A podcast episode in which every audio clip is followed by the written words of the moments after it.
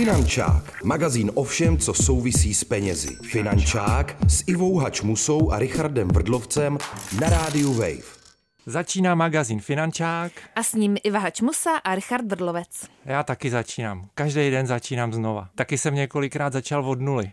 Úplně finančně. To bych nikomu nepřál. A teď se na tom jak, Richarde? A teď jsem nějak někde v polovině. A vlastně dnešní pořad uh, bude právě o tom, jak eh, neskončit na nule nebo dokonce v mínusu. Mínusu. My už jsme tady to téma probírali ve Finančáku, ale myslíme si, že je natolik důležitý, že uh, stojí za to ho pořádně probrat ještě jednou. Tentokrát jsme si pozvali finančního poradce a lektora finanční gramotnosti Michala Doubka. Michale, vítejte ve Finančáku. Děkuji za pozvání, dobrý den. Ale nejdřív si pojďme poslechnout anketu. Iva se tentokrát lidí na ulici ptala, jak jsou na tom s finanční gramotností. Volám sa Matúš, mám 20 rokov. Seba by som považoval za finančně gramotného, ano. Takže to znamená, že se svými penězi hospodaříš tak, že ti třeba i něco zbyde, že si i našetříš? Ano, samozřejmě mám sporenia viaceré. Uvažoval jsi někdy o investicích? Ano, a aktívne aj investujem. O to si nějak zjišťuješ sám informace? A väčšinu informácií zistujem si na internetu, samozrejme z nejakých dôveryhodnejších zdrojov. Takže se ne, nebojíš třeba, že bys přišel o peníze nebo tak? Nie, akože čo ja investujem, tak sú to jednak menšie čiastky na dlhší uh, investičný horizont, takže by to mohlo byť viacej bezpečné. Saskia, 30. Myslím, že generálně je dobře investovat, když máš dům nebo byt, protože když máš bytí, ne, nepřijdeš peníze, dobrá eh, investice. Je mi 30 let a myslím, že eh, jsem z Německu a musím myslet na moje budoucnost, protože nemyslím, že systém funguje dobře. A Simona a je mi 23. Můžu hospodařit s penězi? V rámci možností myslím, jo. Já myslím, že jsem dostala dostatečný zázemí nejen o, co se týče školy, ale i od rodičů, tak abych vždycky nějakým způsobem vycházela a dokázala určit hranici, dá se říct. Takže ten základ byl v rodině a co třeba škola dala ti něco v tomhle ohledu? Já myslím, že nejvíc mi dala právě rodina, že jsem viděla, jak oni hospodaří, jaký by měl být standard minimálně. A co se týče školy, tak jsem pak dostala takový to hlubší zázemí, o čem třeba doma se nemluví, nebo co se jakože nevidím přímo, jako co to znamená pojištění nebo půjčka přímo. Takže tam jsem dostala nějaký doplněk, ale základ v rodině, určitě. A chystáš se třeba eh, na nějaké investice v budoucnu? Jo, no tak tam v tom jsem dostatečně slabá. Co se týče investic, tak to bych já potřeba hodně poradit a hlavně uh, nejenom poradit, jako do čeho investovat, ale spíš jako, aby mi někdo dal jako celý přehled, jaké jsou možnosti, abych si dokázala pak sama vybrat případně. Ale zatím nemám vůbec žádný přehled o tomhle. Tom. Karolína 25. Myslíš si, že jsi finančně gramotná? Snažím se o to, vzdělávám se v tom, takže myslím, že jsem na nějaký cestě. Takže máš pocit, že hospodaříš dobře? Myslím si, že jo, protože podnikám, takže je to pro mě vlastně otázka života a, a smrti, abych prostě byla finančně gramotná. A když si vezmeš třeba zkušenost ze svého okolí, tak máš pocit, že třeba kamarádi známí se s tím nějak potýkají, nebo jsou taky podobně finančně gramotní jako ty? No, myslím, že by to mohlo být lepší v mém okolí, a že to je taková věc, o které se začíná mluvit. Většina lidí ví, že by měla být finančně gramotná, ale není to asi úplně ještě tak ideální, jak by to mělo být ideální. Uh, Michal, a je mi 27. Jako je to pokus omyl, rozhodně. Přece jenom taky mám nějaké jako podnikání a tam jako to jinak jako nejde, tam je vždycky nějaké riziko. Dala ti třeba něco škola v tomhle ohledu? Škola vůbec ne, ale dělal jsem nějakou dobu finančního poradce vlastně jako pojišťováka, kde jsem se v rámci nějakého poradenství vlastně sám tyhle ty věci jako naučil. Přece jenom, abych to mohl nějak šířit, edukovat, tak je dobrý, když tomu rozumím sám. Kdybych měl říct nějakou radu, tak je to spíš jako o tom nepřemýšlet, kde ušetřit, i když se to hodí, ale přemýšlet spíš o tom, jak vydělat, protože ty náklady budou vždycky a vždycky jako bude něco, nějaký výdaj, který půjde nahoru. Finančák. Magazín o penězích a všem kolem nich. Finančák. Tak eh, Michale, co na to říkáte? No, přijde, že jste měli teda štěstí na poměrně jako chytrý a gramotný mladý lidi. Super. To Iva má často štěstí. Já na to mám prostě čich nějak. na tebe se to lepí. no spíš já se lepím na ně. Ale v každém případě, eh, já bych možná začala úplně od základu. Eh, Michale, co to vlastně znamená ten pojem finanční gramotnost? Je to schopnost dobře vycházet z penězi, anebo je to i povědomí o tom, co právě znamená pojistka, hypotéka, půjčka? Takový to eh, přes plot dobrá hospodyňka i pro pírko skočí, je to finanční gramotnost. Přesně tak. Asi ne. Já si myslím, že obojí, to, co jste říkala. To znamená, že ten člověk zná nějaký základní jako principy a souvislosti, jak nakládat s těmi penězi, kde se vůbec to, co učíme jako malé děti, jo, kde se vůbec ty peníze jako berou a e, co pro ně člověk musí udělat a proč platí daně a co se platí z nich a co to je čistá mzda a hrubá mzda a super hrubá mzda a tak dále. A pak samozřejmě měl by znát ty základy toho, že potřebuji nějak třeba mít zajištěný majetek, zajištěný příjmy formou třeba životního pojištění, je nějaká hypotéka, můžu si nějak vzít nějaký úvěr, kreditní kartu. Těch produktů a těch možností je totiž jako strašná spousta. A ty základy by lidi měli mít. Já si myslím, že finanční gramotnost dneska když bych to měla, to hodně přirovnávám uh, s digitální gramotností nebo s IT gramotností, kterou naši rodiče vlastně moc nepotřebovali. Tu finanční vlastně taky moc ne, protože za socialismu vlastně... To jako, nebylo potřeba, no. Asi tak. Všichni jsme měli stejně a všichni jsme neměli nic. A uh, myslím, že ta finanční gramotnost prostě já, je to stejný jako umět číst, umět psát, umět počítat a k tomu prostě ta finanční gramotnost je jako neskutečně důležitá, proto se tomu i věnuju. A pro mnoho lidí, když jste to vyjmenoval vlastně ty produkty a teď ty, ty možnosti vlastně, ehm, ten svět je tak komplexní, že eh, si dovedu představit, že se cítí, ehm, že to je stejně těžký jako naučit se číst, psát a počítat jako v ty základní věci a vlastně možná je to tak těžký, že se jim ani nechce do toho vlastně se nořit. Jo. Hlavně v dospělosti se člověk jo. už nechce nic učit. Jo, je, jako, je, je, je to možný. Já to, pro mě už je to strašně těžký posoudit, protože pro mě ty věci jsou automaticky, já je znám a vždycky se mám v sobě takový to, že se divím, a ty to, ty to nevíš, vždycky se koukám na ženu, ty to nevíš, tak, takovou věc, ale vlastně ona to nikdy neslyšela, ona se o tom jako nebavila nikdy s nikým, takže jo, chápu to, že lidi nemají třeba uh, tu motivaci nebo tu chuť a je potřeba asi možná nějakou ze začátku nějakou motivaci vlastně zvenčí, od prostě od té rodiny nebo z médií, ze školy, od zaměstnavatele třeba nějaký, když pořádá nějaký kurzy finanční gramotnosti a tak dále, vysvětlit těm lidem, proč je to důležitý a jak můžou díky finanční finanční gramotnosti třeba i zlepšit vlastně svůj život. Když jsme narazili na tu školu, tak tam, myslím, dva respondenti hned uvedli, že škola jim rozhodně v tomhle ohledu nedala nic. Eh, je to teď třeba lepší, jako momentálně na školách? Už se to nějakým způsobem ty děti přece jenom učí? No učí. Mají jako, vím, že mají něco i v těch základních osnovách, nějakou finanční gramotnost. To ale... bude asi v rámci té občanské výchovy nebo něco takového, nějaká sekce. Tak, matematice se učí teda prostě nějaký, jako jak se, jak se to spočí, jak se spočítá úrok a tak dál. A v občance mají teda něco o financích asi, ale je to slabý a problém je i ten, eh, kdo to učí. Že vlastně často ti učitelé, my spolupracujeme eh, s Institutem ekonomického vzdělávání, s INEVem, který vlastně vzdělá, dělá i třeba ekonomickou olympiádu, pořádá a i vlastně školí učitelé na základních středních školách, eh, jak vlastně vyučovat tu finanční gramotnost, protože ten člověk prostě, co učí občanku nebo ale i češtinu, matiku, ti učitelé to neví. Já jsem často na svý střední, jsem učil svoji učitelku z ekonomie, kam má dávat svoje peníze, protože ona znala tu teorii, ale vlastně praxi neznala. Jo, takže je potřeba i do těch škol dát ty praktické ukázky, možná motivovat třeba lidé, lidi z oboru, finanční poradce, bankéře, ekonomy, aby víc chodili do škol a víc o tom mluvili. Finančák. Magazín o penězích a všem kolem nich. Finančák. Posloucháte magazín Finančák s Richardem Mrdlovcem, Ivou Hačmusou. Naším hostem je Michal Doubek a povídáme si o finanční gramotnosti. Ať už je to cokoliv. A jsou tedy Češi finančně gramotní? Jaký je váš názor?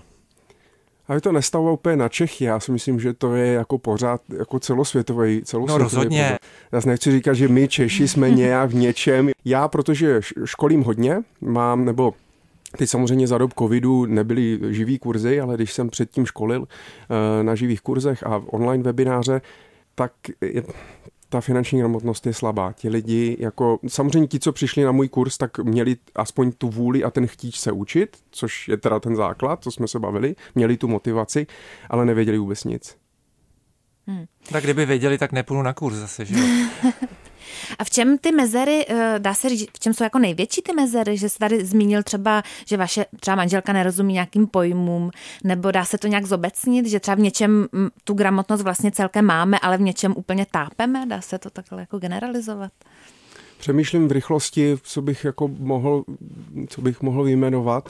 Já si myslím, že hm, spoustě lidem chybí i právě úplně ty jako elementární znalosti toho vlastně, kde se ty peníze berou, jaká je role těch centrálních bank, komerčních bank, jak fungují úvěry, co to znamená vlastně to tisknutí peněz. A, tak to je jako jedna věc, to jsou nějaké jako ale ekonomické teorie a, a praxe. A potom samozřejmě opravdu i to, že člověk eh, využívá jo, nejst, jeden z nejstarších produktů na spoření je stavební spoření od roku 1993. A řekl bych, že lidé vlastně často neví, co potom třeba ta stavební spořitelna s těmi penězi eh, dělá, to stejný třeba penzijní připojištění od roku 94 a taky posíláme peníze do nějakého penzijního fondu a ti lidé vůbec neví, kam vlastně ty peníze posílají a co se, jako co se za ně nakupuje nebo co se s nimi děje. A to si myslím, že by bylo jako fajn eh, pochopit, aby věděli, co se s těmi penězi... A co se s nimi teda děje? No teď mě začíná docházet, proč ty lidi dávají svoje peníze do Teracoinu nebo do Luny, která jim slibuje 20% úrok, protože vlastně jim to přijde, eh, proč by ne, že jo, když eh, stavební spořitelna vám dá nějaký procento a kampelička nějaký procento, tak proč by Luna taky nemohla udělat 20% úrok? A teď mě to začíná docházet, že vlastně ne, neznají zatím tu ekonomickou realitu. Hmm. A u těch kryptoměn jako vůbec ne. A to jsme jenom odbočili, hmm. jo, o tom nechce mluvit. Když jsme mm, tady mluvili ještě o těch školách, kdy uh, podle vás by rodiče, mm, pokud to teda neudělá škola, měli vštěpovat dítěti nějaké základy? Kdy třeba, já jsem třeba řešila mýmu synovi je 14 a má dva roky platební kartu. Uh, je to brzy nebo pozdě, nebo jak, jak No dobrý, Ivo. Hmm. No, nejhrozně šetřílek, teda musím říct. Mě překvapilo. Po mamince? no, právě moc ne. Já si myslím, že to je super, že čím dřív, tím, tím líp. Myslím, že platební karty dneska už se postupně sjednocují, myslím, na osmi, na osmi letech, že může mít vlastně osmiletý, může mít platební kartu. Když si vezmu, že neteř je, se omlouvám, ale myslím ve druhé třídě a má telefon, a něco s ním dělá, tak klidně už tam vlastně může mít nějakou platební kartu a nějak se s tím učit. To znamená, nebránil bych těm dětskám používat vlastně třeba ty technologie a, a učit je s nimi i s ohledem na ty, na ty peníze. Existují i různé aplikace do mobilu, do tabletu, nějaké finanční hry a, a podobně ale já nejsem psycholog, takže těžko říct, já mám čtyřletáka doma, dostal k narozeninám eh, pokladničku a teď jako společně ty penízky jako počítáme a zrovna nedávno jsem mu jako snažil vysvětlovat, kde se ty peníze berou, pak jsem s ním šel jako i do bankomatu a on to měl jako super zážitek, myslím si, že to nepochopil, hmm. ale... Hrozně ho to bavilo, že jo? Jak to lítá z toho bankomatu. A, ale myslím si, že jako co jsem, co jsem, já si myslím, že jako od první, od první třídy ty děti, kdy vlastně začínají už se učit číslovky, začínají počítat a tak dále, takže by měli ty rodiče začít jako dávat těm dětem nějaký základy, ale jinak, co se týče úplný nějaký jako mm, samostatnosti, nějakého většího kapesného, tvorby rozpočtu, hospodař si sám a nechoď za námi pro peníze, když chceš jít do kina, tak si myslím, že klidně jako třeba ta osmá, osmá, devátá třída úplně bez problému. Na střední už si myslím, že to je povinnost. Já jsem dostával peníze na svačinu už během základní školy a naučilo mě to, že když eh, si koupím třeba žvejkačky, tak se potom nenajím, protože mi to nestačilo, a nebo si můžu koupit rohlíky a to mi vydá eh, a ještě mi zbyde už takhle jako by jsem to začal chápat. Já jsem zase vlastně. všechno utratila za vytacit, ale to už možná posluchači rádi a vy ani nebudou znát. Co to je. je to super, ale je potřeba, aby ti rodiče, eh, když dávají kapesný, tak jenom jako ne, tady máš peníze, kup si co chceš, ale mluvili o tom. Tak komunikace, my jsme někde zaseknutí, jak dřív si pamatuju, vždycky mě, já jsem hrozně zvědavý, tak vždycky zajímalo, kolik vydělával táta, kolik vydělává máma a to je vždycky, vždycky tabu, že jo, kdo kolik vydělává, kdo má jaký úvěry, kdo kde dluží, kdo kde co vlastní a tak dále A to si myslím, že je strašná škoda, že, se, že by ti rodiče o tom měli víc, víc mluvit o tom s dětmi, proč se to děje. Eh, když chcou jet na dovolenou, tak se o tom s nimi bavit. Stojí to tolik, znamená to pro nás tolik, budu muset pracovat třeba o tolik víc, chceme je tady nebo tady, nebo si radši koupíme bazén nebo kolo nebo něco, ale vlastně zapojit ty děti do toho hospodaření té rodiny. Tak otevřenost v komunikaci je vždycky dobrá. Snad hmm. ne, neznám situaci, kdyby to bylo kdyby na to škodu. bylo špatně. Já bych se ještě vrátila k té anketě. Tam je ten respondent eh, řekl takovou radu, že mm, by nepřemýšlel o tom, kde ušetřit, ale kde více vydělat. Podepsal byste tady tu větu? V podstatě jo. Neudělal bych to úplně na začátku, protože tenhle krok vlastně jako navýšit ty příjmy, tak je těžký.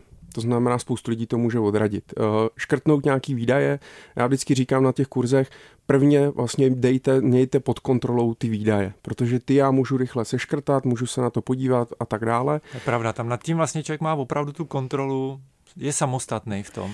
No ale pozor, teď jsme se dostali právě k takovému ožehavému tématu, protože my jsme už to tady řešili ve Finančáku. Měli jsme tu ekonoma Štěpána Křečka a ten díl se jmenoval Jak hospodařit s penězi a pan Křeček um, dal takovou radu posluchačům, že pokud chtějí ušetřit, že se právě mají podívat na ty výdaje a třeba ušetřit za latečka v kavárnách nebo drahý tenisky a je to tady. A bude se stříhat. A, a bude se stříhat. Sklidili jsme za to takovou vlnu kritiky, bych řekla, kdy ti mladí lidé nám třeba psali, že... Ale, počkej, ale jak... Ivo, přitom on říkal, buď zvyšte příjmy, Přesně tak. anebo, anebo snižte, snižte výdaje. výdaje. A to je jako, se k tomu nedá říct ani ně, to je nedá, prostě ale... nic jiného se s tím nedá dělat. Eh, když teda ty lidi potom psali, ale já nemám z čeho ušetřit. Já opravdu eh, dostanu třeba plat, ale když zaplatím nájem, eh, jídlo, takový ty nezbytné věci, tak mi skoro nic nezbyde. Jakou radu teda dát v tomhle případě? No, pak už jako nezbývá nic jiného, než opravdu se podívat jako na tu příjmovou, příjmovou stránku. Jo? Já si myslím, že samozřejmě šetřit se dá hodně, protože uh, do, my hodně šetříme jako v hlavě, že si, v hlavě, si sedneme a přemýšlíme, tak nad čem bych mohl ušetřit. Jo? Já vždycky doporučuji napsat si to na papír, opravdu, nebo do Excelu třeba, ale fakt to vidět černý na bílým, naprosto vidět si výpisy z účtu a vidět si všechny transakce, co jsem kde za co platil a jakmile to vidím černý na bílým, tak můžu jako jednoduše porovnávat a najednou třeba i zjistím. Můžu tam mít nějaký předplatný, nějaký jako platby kartou, který jsem nějaký subscription model, který je dneska moderní, hlavně u mladých lidí, ale oni si něco předplatí, pak to nevyužívají, zapomenou, ale furt se to strhává. Jo? To znamená, že když si to napíšu černý na bílým, tak opravdu to sjedu, vidím. Ale pak samozřejmě ano, pokud už nemám jako kam šahat, protože samozřejmě není cílem si jako omezit uh, svoji nějakou životní úroveň. Jako můžu, já jsem si to zažil, zkusil jsem si to prostě jíst třeba jenom suchý rohlíky, abych ušetřil, no a nic moc, pak z toho života jako nic moc nemám, jo? to znamená, že... A vitamíny nemáte. Vždycky je to nějaká zlatá střední cesta, ale prvně bych se podíval, udělal bych si rozpočet, podíval bych si na výdaje a pokud už nemám kde šetřit, musím se podívat samozřejmě na to, kde bych mohl navýšit svoje příjmy, případně jestli je tady nějaká pomoc od státu, pokud se bavíme opravdu o těch lidech, kteří využívají příspěvky na bydlení, eh, podporu prostě pro děti, nějaký přídavky, sociální podpory a tak dále. Spoustu lidí ty věci třeba ani nevyužívají nebo nevyužívají na maximum efektivně a tak dále. To jsi mi připomněla, eh, teď jsem četl knížku eh, Patrick Melrose od Edwarda St. Obana, což je bývalý aristokrat a popisoval, jak přijeli za jeho příbuzným bankéři z Ameriky, protože měl už eh, nízký příjmy nebo ubejval mu majetek a bankéři přijeli mu říct, že musí začít šetřit, jinak o ten majetek přijde. A začali procházet právě ty jednotlivé položky. Takže, takže já nevím, eh, tři domy v Americe a, a, a si vydržujete a, a dva na riviéře. A teďka, tak co bys, čeho byste se mohl bavit? A on, no tohle potřebuji, tohle potřebuji, tohle potřebuji. Chůva, zahradník, jo, 20 služebnictvo. No, tohle hm, každýho potřebuju. Všechno to jednotlivě bod po bodu probrali, jo, bylo to černý na bílým. A nakonec eh, říkali, no tak možná bych mohl zrušit to předplatný Timesu, ty moc nečtu.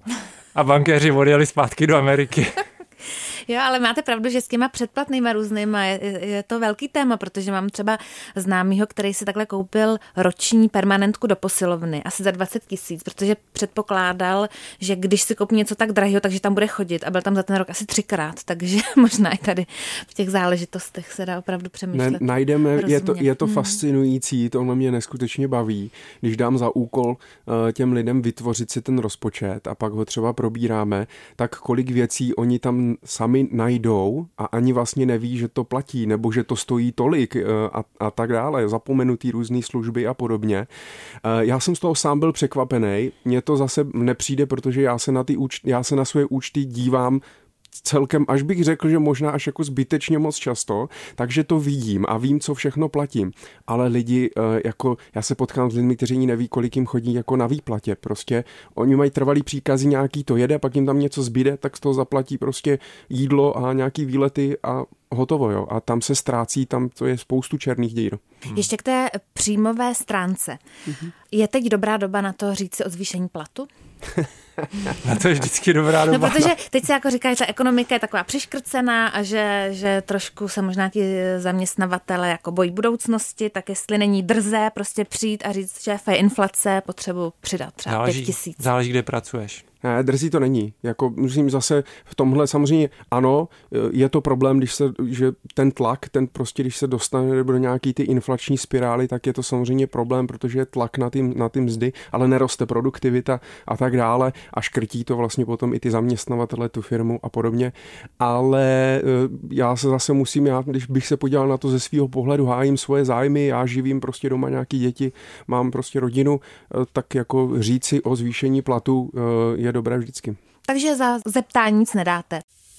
Finančák, magazín o všem, co souvisí s penězi.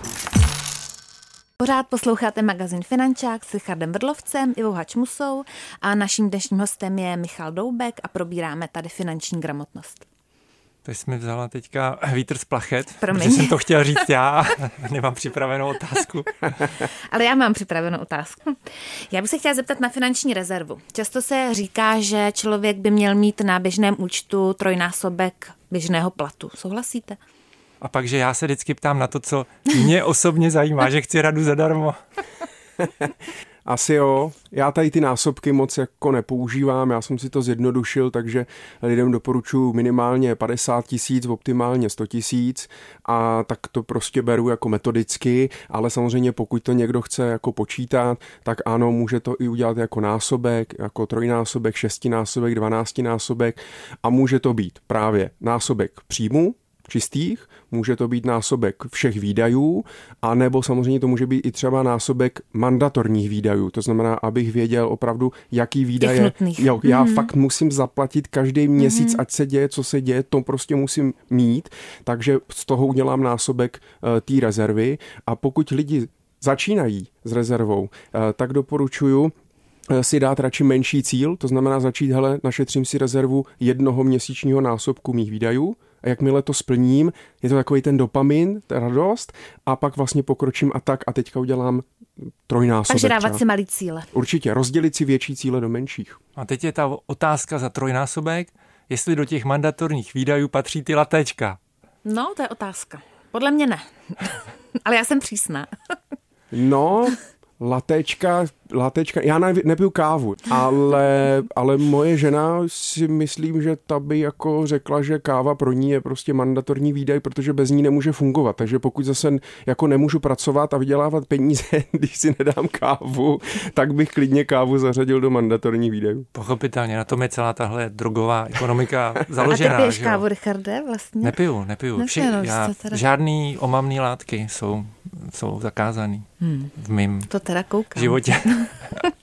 Jakou část peněz, pokud teda člověk eh, tak nějak jako vychází a dokáže si udělat rezervu, třeba investovat, jako mm, říká se, že teď jak je inflace, že mm, hloupost nechávat ty peníze ležet ladem na účtu, protože ta inflace požírá, tak jako třeba částku z toho příjmu byste doporučil dát někam do těch investic? No co největší a co můžu, že? A to se vlastně jako nedá takhle říct. Když bych měl říct zase dobře, lidé mají radí takový ty jako obecný nebo taky ty pravidla to, a de, deset typů, jo, a dejte si tabletu na všechno a je to. Ale tak říká se, že samozřejmě minimálně 10% z příjmu, bych měl být schopen dlouhodobě odkládat a naučit se žít z 90% svých příjmů. To bych řekl, že takový jako základní pravidlo a to když zvládnu, tak eh, bych řekl, že dlouhodobě budu mít dobře vyrovnaný rozpočet a něco si i zainvestuju a potom v důchodu prostě jako když najde. Eh, ale jinak samozřejmě, kolik mám investovat nebo jakou částku by mělo vycházet vlastně z mýho finančního plánu a ten by měl vycházet z mých finančních cílů. To znamená, že eh, jinou částku musí investovat člověk, který si chce našetřit na důchod milion a někdo, který si chce našetřit 20 milionů. Vy jste zmínil už ten obrat finanční plán několikrát. To je nějaký pojem obecný, nebo to je nějaký váš pojem, se kterým, jako, ze kterého vycházíte, když radíte svým klientům? Obojí, ale je to obecný, jako myslím si, že každý, eh, já se živím finančním plánováním, takže ode mě neuči, jako neočekávajte nic jiného. Žádný slovo neznáte. Eh, já jsem nějaký plánovač a uh, lidi si mě dobírají, že jako vždycky musím mít všechno naplánované. Takže i dovolený plánujete v tom Chorvatsku. Uh, jo, no a jako ale den, den pod ní, jako jo.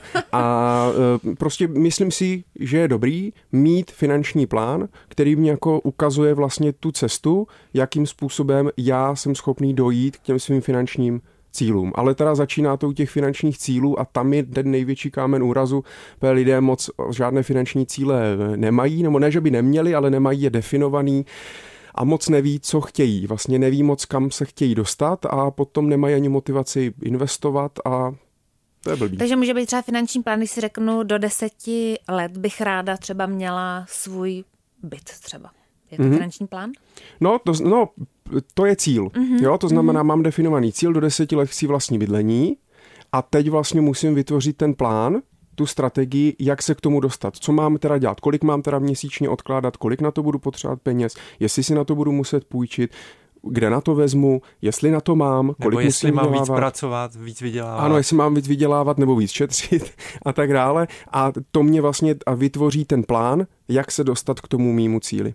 A vy jste s těmi lidmi na tom počátku, nebo je provázíte na té cestě, že se na vás můžou obrátit kdykoliv, když třeba přijde něco neočekávat? Záleží, kolik mají peněz. No, nebo třeba přijde o práci, se může stát, nebo mají nějaký úraz, nebo něco takového. No jasně, jako hmm. pokud se bavíme o roli finančního poradce, tak ten by měl být ideálně, to je to jako alfa omega všeho, být vlastně celoživotním průvodcem toho člověka. Nejenom na začátku mu udělat nějaký audit nebo mu prodat produkt nebo mu ho pojistit a tak dále, ale vlastně být po celou dobu toho jeho života a pomáhat mu dosahovat těch finančních cílů. To zní krásně něco jako rodinný doktor.